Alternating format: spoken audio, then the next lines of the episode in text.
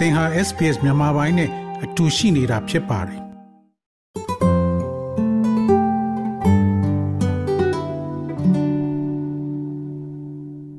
တော်ရရှိများကိုယနေ့နိုဝင်ဘာလ15ရက်ဗုဒ္ဓဟူးနေ့အတွက် SBS News Flash သတင်းထူးများကိုတင်ဆက်ပေးမှာဖြစ်ပါတယ်ကျွန်တော်က Terror On ပါယနေ့အတွက်ထိတ်တန့်သတင်းများအတိုက်ခံခေါင်းဆောင်ပီတာဒန်တန်ကဝန်ကြီးချုပ်ထံစာပေးပို့ခဲ့ဟုဆို ဩစတြေးလျအသိုက်အဝိုင်းအတွင်းဂျူးတွေကိုမုန်းတီးမှုများမြင့်တက်လာမှုကိုကင်တွယ်ဖြေရှင်းရန်အတွက် National Cabinet ကိုခေါ်ယူကျင်းပရန်ဝန်ကြီးချုပ်ထံနိုဝင်ဘာလ15ရက်နေ့ကစာတစောင်ပေးပို့ထားကြောင်းအတိုက်ခံခေါင်းဆောင်ပီတာဒန်ဒင်ကပြောဆိုပါတယ်။ Mr. Dutton က Anthony Albanese သည်အရေးကြီးသောပြဿနာများကိုကင်တွယ်ဖြေရှင်းနိုင်ခြင်းမရှိကြောင်းနဲ့ဩစတြေးလျနိုင်ငံသားအားလုံးရဲ့ဘေးကင်းမှုကိုအာမမခံနိုင်ဘူးလို့ဆွဆွဲခဲ့ပါတယ်။ဂါဇာတွင် ဖြစ်ပွားနေတဲ့စစ်ပွဲကြောင့်ဂျူးမုန်းတီးရေးစိတ်ဓာတ်များမြင့်တက်လာခြင်းနဲ့ပတ်သက်လို့အတိုက်ခံခေါင်းဆောင်က၎င်းရဲ့နှက်ဆိုင်သောစိုးရိမ်ပူပန်မှုများကိုလည်းဖော်ပြခဲ့ပါတယ်။ ကျွန်တော်ဒီဝန်ကြီးချုပ်စီစာရေးပြီးမချခင်မှာဒီစာကို ထုတ်ပြန်ပေးမှာပါ။ဝန်ကြီးချုပ်ကိုအမျိုးသားကက်ဘိနက်ကိုခေါ်ယူကျင်းပရန် State Premier များနှင့် Chief Minister များအနေဖြင့်မိတို့တုံ့ပြန်သင့်သည်ဆိုသည့်အချက်ကိုဆွေးနွေးရန်တိုက်တွန်းထားပါတယ်။အဖဲကြောင့်ဆိုသောတင်းမာမှုတွေမြင့်တက်နေတဲ့အချိန်မှာဝန်ကြီးချုပ်သည်ပြင်းထန်သောခေါင်းဆောင်မှုကိုပြသသင့်တဲ့အချိန်တွင်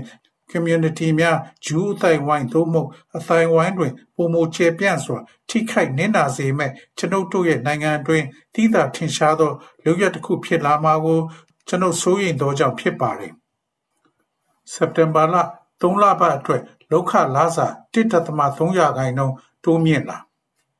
The Australian Bureau of Statistics ကစက်တင်ဘာလ3လပတ်အတွက်လောက်ခလာစာ1.3ရာခိုင်နှုန်း တိုးလာတယ်လို့ကြေညာခဲ့ပါတယ်။အလုံသမားလာစာများသည်တရားဝင်လောက်ခဈေးနှုန်းညွှန်းကိန်းရဲ့26နှစ်တာသမိုင်းတွင်အမြင့်ဆုံးတိုးတက်မှုရဲ့လေးလပတ်အဖြစ်မှတ်တမ်းတင်ခဲ့ပြီးစက်တင်ဘာလမှ3လအတွင်း1.3ရာခိုင်နှုန်းတိုးလာခဲ့တယ်လို့ဆိုပါတယ်။ဂျူလာ3လပတ်တွင်အညွန်းကိန်း3.9ရာခိုင်နှုန်းမြင့်တက်လာခဲ့ပါတယ်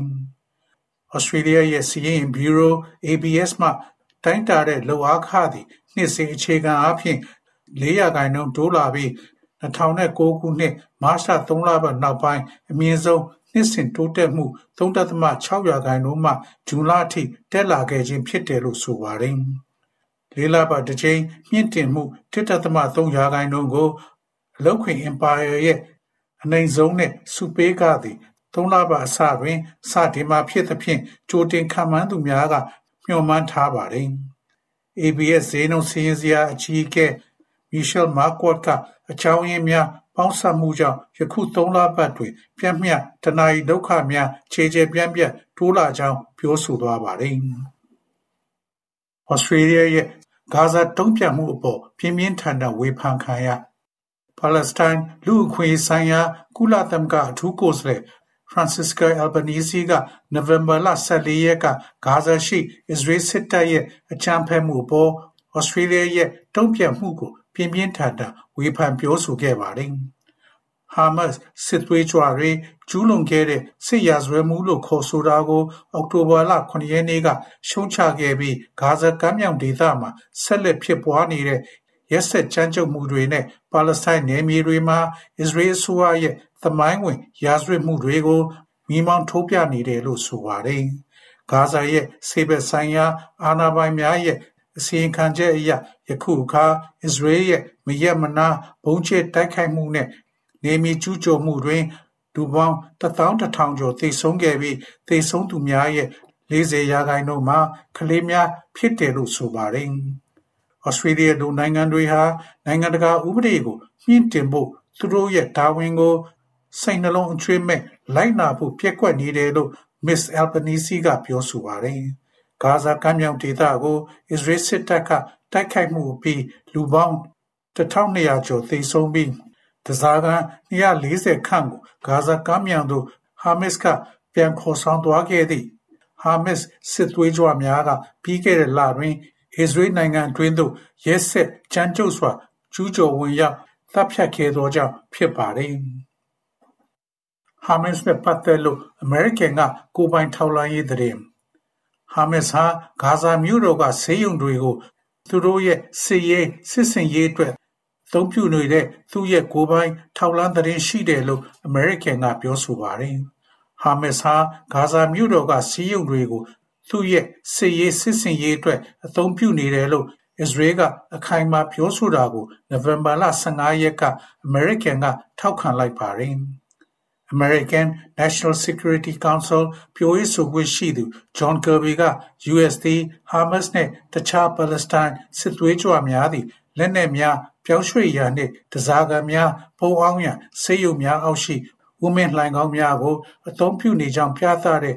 အရင်းအမြစ်မျိုးစုံမှရရှိထားသောသတင်းများကိုအတိအကျမဖော်ပြထားသော ထောက်လှမ်းရေးသတင်းတွေသူတို့မှရှိတယ်လို့ပြောဆိုပါတယ်။အဆိုပါဆွဆွဲချက်များကိုညှင်းဆိုထားပြီးဟာမတ်စ်ဦးစီးသည့်ဂါဇာချမ်းမာရေးဝန်ကြီးဌာနကအဆိုပါအဆောက်အုံကစုံစမ်းစစ်ဆေးရန်နိုင်ငံတကာအဖွဲ့အစည်းများကိုဖိတ်ကြားထားကြောင်းပြောဆိုသွားပါတယ်။လေစဉ်သတင်းတူ News Flash များကို ပုံမကြားသိရန် SBS Language Podcast ကိုတွားရောက်ကြည့်ရှုပါသို့မဟုတ်ဝင်ရောက်နားဆင်ကြည့်ပါ